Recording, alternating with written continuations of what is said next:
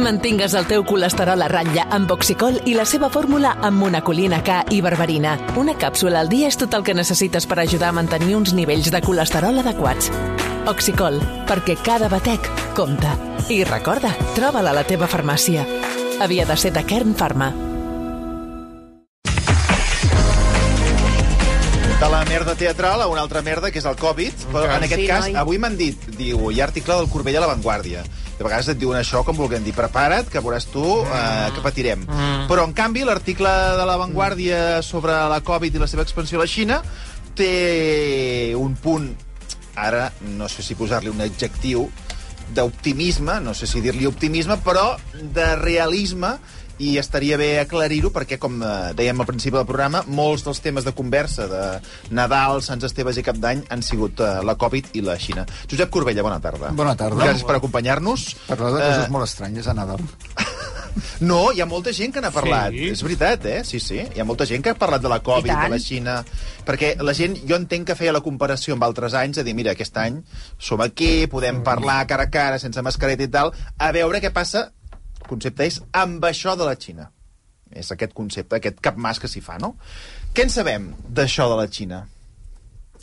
Doncs que un país que representa una setena part de la població mundial ha fet les coses al revés que tota la resta del món, perquè la resta del món, què ens va passar? Vam tenir una gran onada fa gairebé 3 anys, aleshores vam tancar i de manera molt gradual, al llarg de dos anys llargs, hem anat, um, hem anat reobrint i construint a poc a poc una immunitat que avui, en l'actualitat, ens protegeix molt. La Xina ho han fet al revés. En lloc de tenir primer la onada i després les, les mesures de protecció, com vam fer nosaltres, primer van tenir les mesures de protecció, van tancar Covid-0 i després han obert de cop i tenen la onada. Han obert de cop amb una població eh, no prou ben immunitzada i, i el que tenen ara és la gran explosió de contagis i cap mesura de contenció. Tenia repreguntant, eh? I si hi ha alguna pregunta que se'n va de la salut a la política, doncs eh, digue-m'ho també. Però aquest obrir de cop, quina planificació... Quin... No hi ha hagut escalada, aquí. Quan dius que s'ha obert de cop, s'ha obert de cop. han fet un canvi d'un dia per l'altre de, de passar de Covid-0 a Covid infinita. I tu com... És a dir, ho expliques per la pressió social, per les imatges que hem vist de gent confinada a casa seva, no podem posar ni un peu al carrer, fins i tot de mm, persones uniformades que pel carrer eh, trus, Estoma- truscaven a la gent sí, sí, sí. mm, per un assessorament científic. Com s'explica? No, assessorament científic...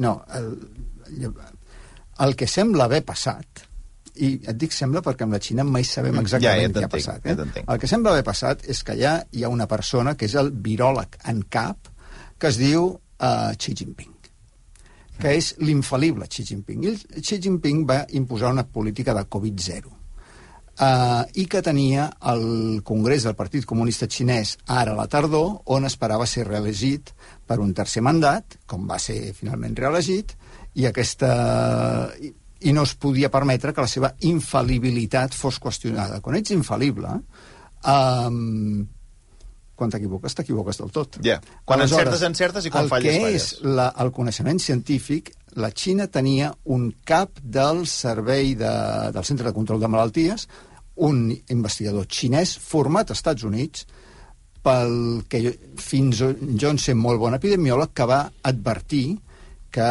en fi, que aquesta política de Covid-0, tal com anava, doncs va dir educadament que no, potser no anava prou bé. Què va passar amb aquest, eh, cap de, amb aquest epidemiòleg? El van apartar. El mes de juliol va ser apartat perquè el que deia qüestionava la idea de la infal·libilitat del senyor Xi Jinping. Aleshores, mantens Covid-0, Xi Jinping fa el, el Congrés del Partit Comunista, és reelegit com esperava, a partir d'aleshores era previsible doncs, que aquesta política de Covid-0, que era insostenible a llarg termini, perquè requeria un aïllament de la Xina eh, estricte i tenia unes repercussions econòmiques importants, no només socials, econòmiques, Um, per tant, era previsible que hi hagués una, una reconducció d'aquesta política de Covid-0 i llavors hi va haver un moviment social de uh, qüestionament, bueno, una, uns aldarulls, i aleshores el govern va decidir, en lloc de reobrir gradualment, que és el que es va fer eh, a la resta del món, de poc a poc anar construint la, la immunitat, van reobrir de cop. I aquí no servia de res que hi hagués un senyor molt ben for format, com ens explicaves, que digués, escolti'm, això no té cap sentit. Eh, Home, no, no, aparentment, aparentment com, que, no. com que el que va dir era incòmode pel líder suprem, doncs va ser, va ser adequadament apartat. I ara ja vaig fent preguntes innocents, eh? però no hi ha una potència exterior, estrangera, que diguis vostès han perdut el cap, com poden obrir això d'un dia per l'altre? Eh, que aquí acabarem rebent tots. Hi ha ningú que... Escolta, tal com funciona el món, tu coneixes alguna potència que per li pugui dir a la Xina què ha de fer? La pregunta és innocent. Doncs, evidentment, la Xina no respon a pressions externes. El problema és que sí, les conseqüències L'Organització eh? Mundial de la Salut des de fa anys està intentant que la Xina eh, actui en un context global on tots estem connectats eh, tenint en compte el bé comú. I quina resposta ha tingut? Cap. No ho ha aconseguit. Andorra ho es pot fer. Andorra es pot pressionar la Xina sí, com a, per, per poder, com a sí. País... Com a superpotència. Sí. No, però no va fer cas. No? Aquí el que preocupa és que ens acabi repercutint. Bueno, ara anirem amb aquest tema. Això és el que ha sortit Anàvem en fent... aquests sopars nadalencs, eh? A veure si, si això que estan patint allà, que està morint molta gent, encara que les autoritats xineses no ho reconeixen, perquè no ho diuen, si això al final acabarà venint cap aquí, com ens pot afectar? Com eh, el tema de les xifres oficials, com dèieu ara, i com la Xina és com és, com deia el Josep, eh, les xifres de morts mm, són segurament estimacions, de fet, les ha publicat una firma britànica d'investigació de salut que es diu Airfinity. La coneixes? No, sí, sí, Airfinity el que va fer va ser un model del que podia passar eh, tenint en compte variables com el nivell d'immunitat de la població, el, el, el que se sap... És a dir, és un model, és un, un algoritme el que ha fet eh, Airfinity. Sí, um, perdona, que sigui un model no vol dir que no, no valgui la pena. Eh? No, no, no, Aquí no, els models han estat molt útils, com per sí, exemple sí, els, els del Biocoms. Que, que no hi ha dades de sí, mira, hospitals. el que li dona uh, validesa a aquests models és que s'han fet mitja dotzena de models diferents. Jo, jo em vaig revisar cinc abans de Nadal. Um, fet per organismes diferents, per uh, grups de recerca diferents, uh, amb metodologies semblants perquè tenen en compte variables semblants com, ja et deia, la mm, demogràfica de la població, quanta gent gran hi ha, quantes vacunes hi ha, què sabíem de la protecció que ofereixen les vacunes, um, un, un seguit de variables, aleshores tots més o menys uh, introdueixen les mateixes, Um, també tenen en compte alguns, per exemple, què va passar a Hong Kong quan la variant Omicron va començar al mes de març a expandir-se i es van saturar els hospitals, i tots els models coincideixen més o menys en l'ordre de magnitud de la xifra, que és que uh, a la Xina, uh, si no es fa res, uh, hi haurà entre 1 i 2 milions de morts per, en aquesta, els propers mesos. Concretament, la, la dada que tenia jo, uh, que deuen acabar en aquestes xifres que ens estàs comentant, són 9.000 morts al dia. Uh, no recordo la dada diària. Aquesta, no... aquesta és la que, Però... la que figura uh, en, aquesta, en aquesta investigació d'Airfinity. Continuant amb les preguntes que ens fem tots o que ens fèiem en aquests dinars i sopats de família, clar, hem après que molta gent um, contagiant-se pot donar lloc a una nova variant. Ha donat lloc a una nova variant? Aquesta és la pregunta. A veure, sempre que circula un virus, i especialment amb aquest, um, el virus evoluciona. Per tant, eh, com més circula, més oportunitats li donem de eh, d'evolucionar i de crear noves variants. I això pot passar a la Xina, com pot passar a qualsevol lloc del món. Um, la gran majoria d'aquestes variants que el virus va provant mutacions uh, són carrers sense sortida que no van en lloc.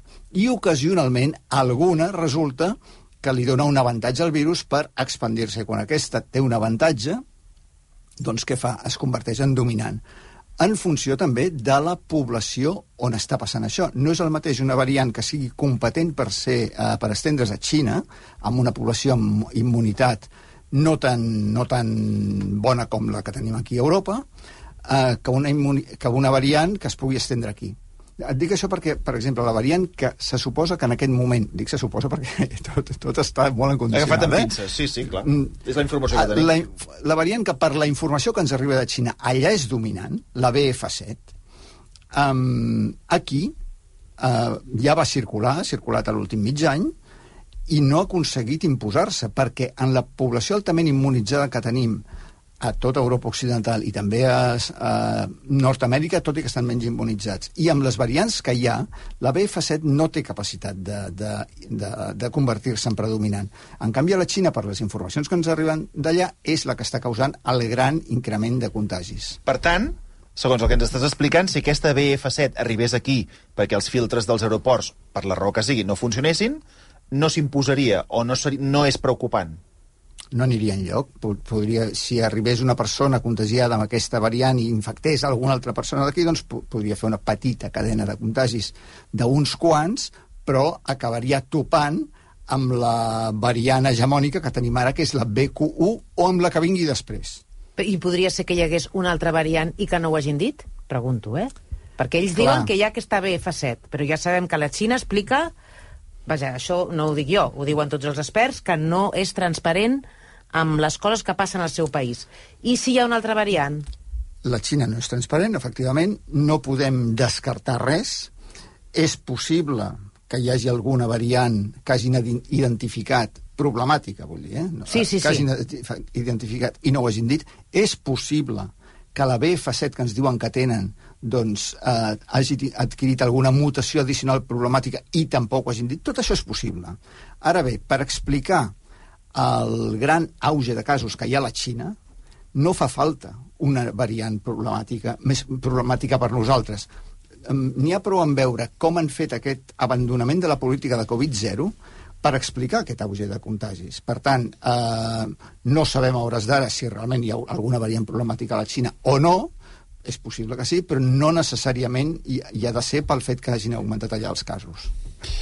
Doncs aquesta és la situació. Eh, per tant, passem al filtre de l'aeroport, podia haver-hi petits contagis, ens deies, eh, que no hi hagi aïllament d'una persona contagiada amb aquesta variant, eh, com ho hem de considerar? A veure, les mesures que ha adoptat Espanya i altres països de, de control de viatgers procedents de Xina, des d'un punt de vista de salut pública, són molt vistoses i molt inútils. Ah? No serveixen. Per què? Doncs mira, perquè t'has de preguntar um, què vols aconseguir quan, eh, poses aquest, uh, quan adoptes aquestes mesures. Uh, per exemple, control de temperatura. Escolta, uh, sabem que una persona contagiada amb coronavirus pot ser infecciós i en realitat, abans de tenir símptomes, abans de tenir febre.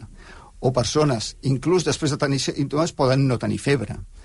Uh, després, el... Anem a veure si tu el que, què vols aconseguir amb aquesta mesura? Si el que vols aconseguir és que no entrin virus procedents de la Xina, sí. um, escolta, quants n'arribarien aquí a Catalunya o a Espanya? Algun, inclús si persones infectades entressin a l'avió, n'arribarien algunes, potser desenes a la setmana. Quan tenim desenes de milers de casos eh, de contagis aquí autòctons. Els que vinguin de la Xina són una gota en un oceà. I a més sabem, si la variant és la BF7 realment, sabem que no és problemàtica. Aleshores, si el que et volgués...